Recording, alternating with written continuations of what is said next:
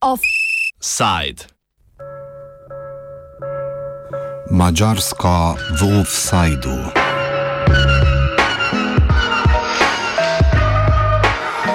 Sodišče Evropske unije je razsodilo, da mačarske azilne politike niso v skladu s pravom Evropske unije. Postopek za ugotavljanje kršitev je proti Mačarski leta 2018 sprožila Evropska komisija. Mačarska je do danes azilni sistem delno že spremenila in še dodatno otežila možnost dostopa do azila, a je sodišče moralo razsojati o sistemu, kakršen je bil ob sprožitvi postopka. Po sodbi mora Mačarska odpraviti kršitve evropskega prava, torej predvsem spremeniti zakon o mednarodni zaščiti.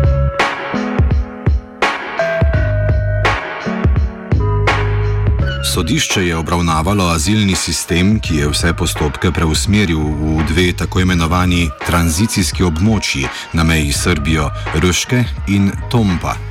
Sodišče je tak azilni sistem spoznalo za nepravnega na štirih področjih: pri dostopnosti prošnje za mednarodno zaščito, pri pridržanju tujcev v tranzitnih conah, pri vračanju zavrnjenih prosilcev za azil in pri pravni ureditvi pritožbenega postopka po zavrnjeni prošnji za mednarodno zaščito. Pomen sodbe je po mnenju Gruše Matevžič iz mačarskega Helsinškega odbora predvsem v tem, da se je Evropsko sodišče prvič jasno opredelilo glede postopka vračanja zavrnjenih prosilcev za azil v tako imenovano tretjo državo.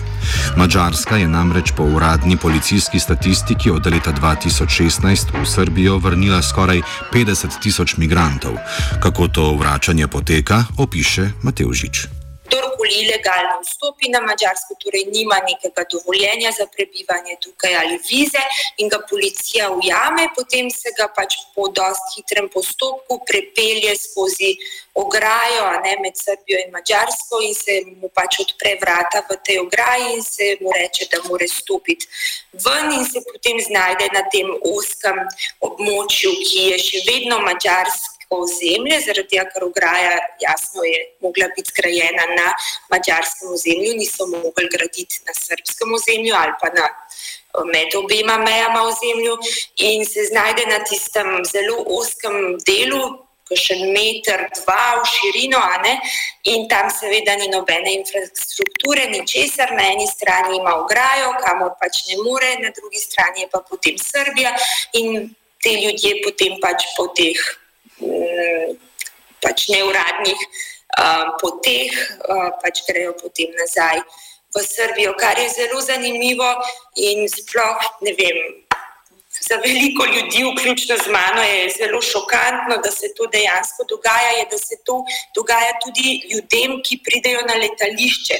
Ne, oni priletijo na letališče v Budimpešto iz recimo Turčije, Dubaja, iz kjerkoli niso v življenju bili v Srbiji, zaprosijo za azil in potem so dejansko prepeljani skozi ograjo in poslani na ta ozek pač predel in potem seveda grejo v Srbijo. Skratka, odloženi so v Srbijo, ne da bi kadarkoli kdaj tam sploh prej bili.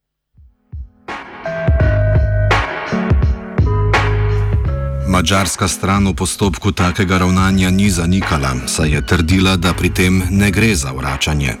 Mačarska je dejansko uveljavljala v tem postopku, ne, da oni ne odstranjujejo tujcev, oni jih odpeljajo na ozemlje Mačarske. Ne, torej ne gre sploh za odstranitev. Torej direktiva o vračanju sploh ni uporabljiva, ampak in da potem oni iz tega ozemlja dejansko lahko grejo v tranzitno cono in zaprosijo za azila. Ne? In celo tukaj v sodbi sem prebrala, so trdili, da to odstranjevanje dejansko pripomore hitrejšemu postopku. Um, Prošnje za azil, kar je popoln nesmisel, zaradi tega, ker pač dejansko ljudje so čakali v Srbiji tudi dve leti, zdaj v zadnjem času, ne, da bi prišli noter v tranzitno cono. Torej, na teh čakalnih listah so bili tudi dve leti ali več, torej to, da so jih odstranili na un del, a ne čez ograjo, to nikakor ne pomeni, da so oni potem lahko direktno šli v tranzitno cono, kje pa v tranzitno cono so sprejemali samo tiste, ki so bili na čakalni listi,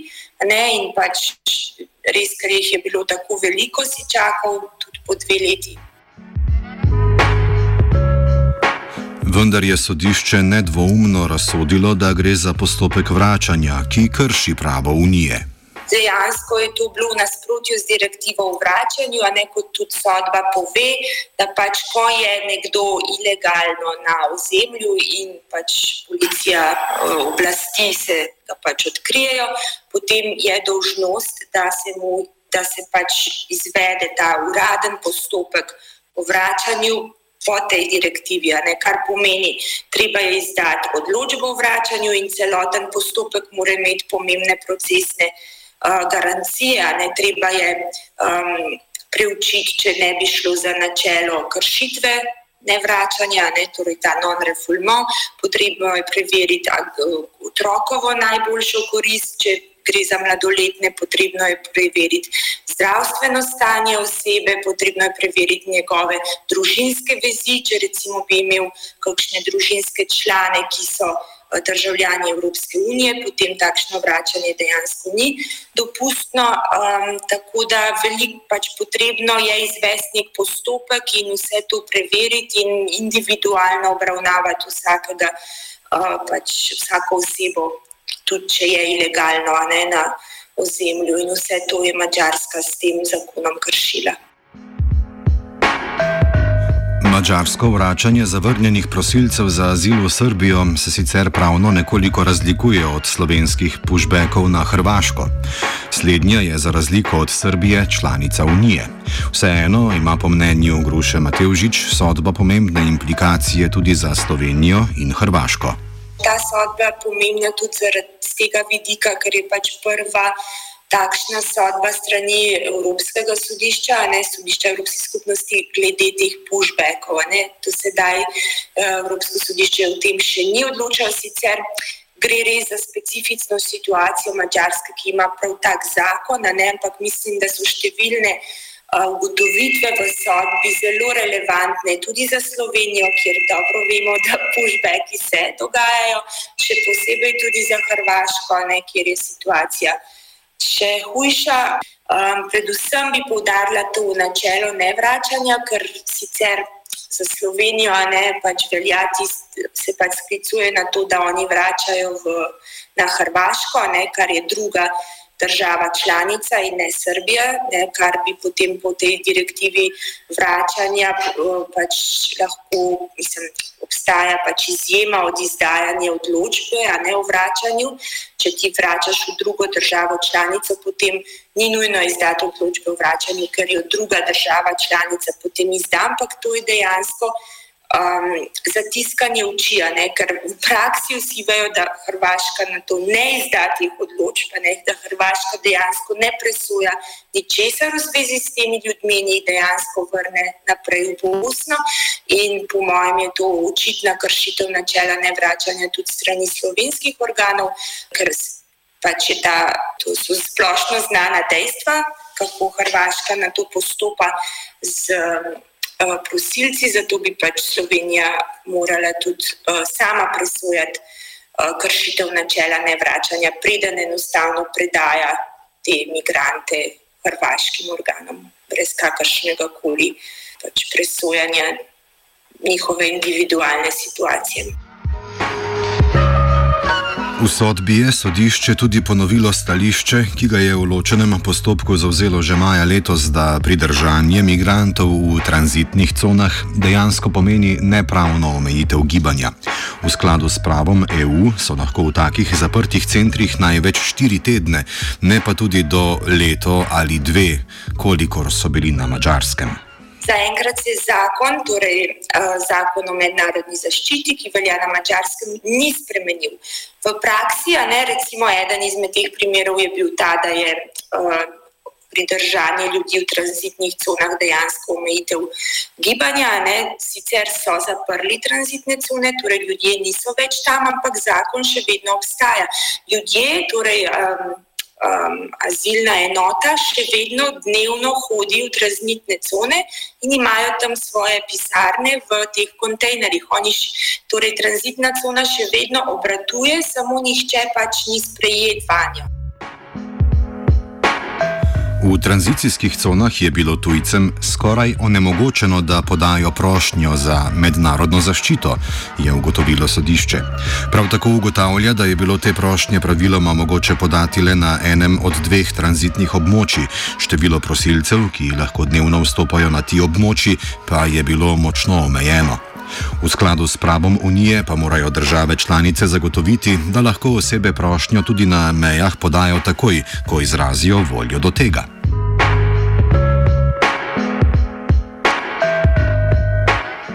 Po majski sodbi sodišča je mačarska vlada izselila ljudi iz tranzicijskih območij v odprte in polodprte nastanitvene kapacitete, a je že takoj zatem, junija, dodatno omejila možnost zaprositve za mednarodno zaščito. Junija so pa potem spremenili zakonodajo, ampak samo s, pač začasno, a ne tudi pač z pretekstom, da gre za COVID ukrep, skratka, to je pač zdaj to veljako, da dejansko na tranzitno cono noben ni spuščen, tudi noben ni sploh spuščen na ozemlje Mačarske, tudi če si ti že na ozemlju legalno. Potem tudi ne moreš zaprositi za azil, če si ilegalno, še vedno velja ta pushback zakon, da te nazaj v Srbijo pošljajo. In edina možnost je, da zaprosiš na ambasadi v Beogradu ali v Kijevu, in do zdaj so bili vsi primeri, razen enega, uh, odbiti, ne niso sprejeli teh namer, uh, eni družini. Uh, Gre za iransko družino, so pa odobrili in so zdaj prišli na Mačarsko, in oni so zdaj v azilnem postopku. Torej, to so edini prosilci za azil, odkar je pač ta nov zakon stopil v veljavo, ki so zdaj na Mačarskem in katerih postopek je v obravnavi. Če je že azilni sistem, kakršnega je obravnavalo sodišče, kršil evropsko pravo, ga z delnimi spremembami krši še toliko bolj. Vendar je Mačarska, ne glede na to, da bo pravno ureditev azilnega sistema morala spremeniti, svoj namen že dosegla. Število prosilcev za azil je zmanjšala na eno samo družino.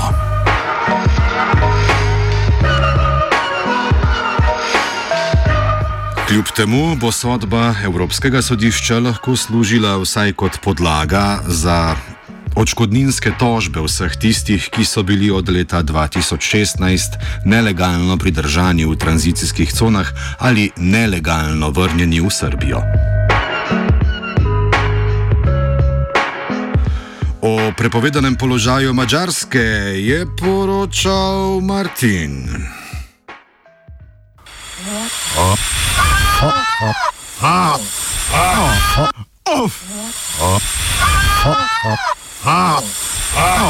Offside.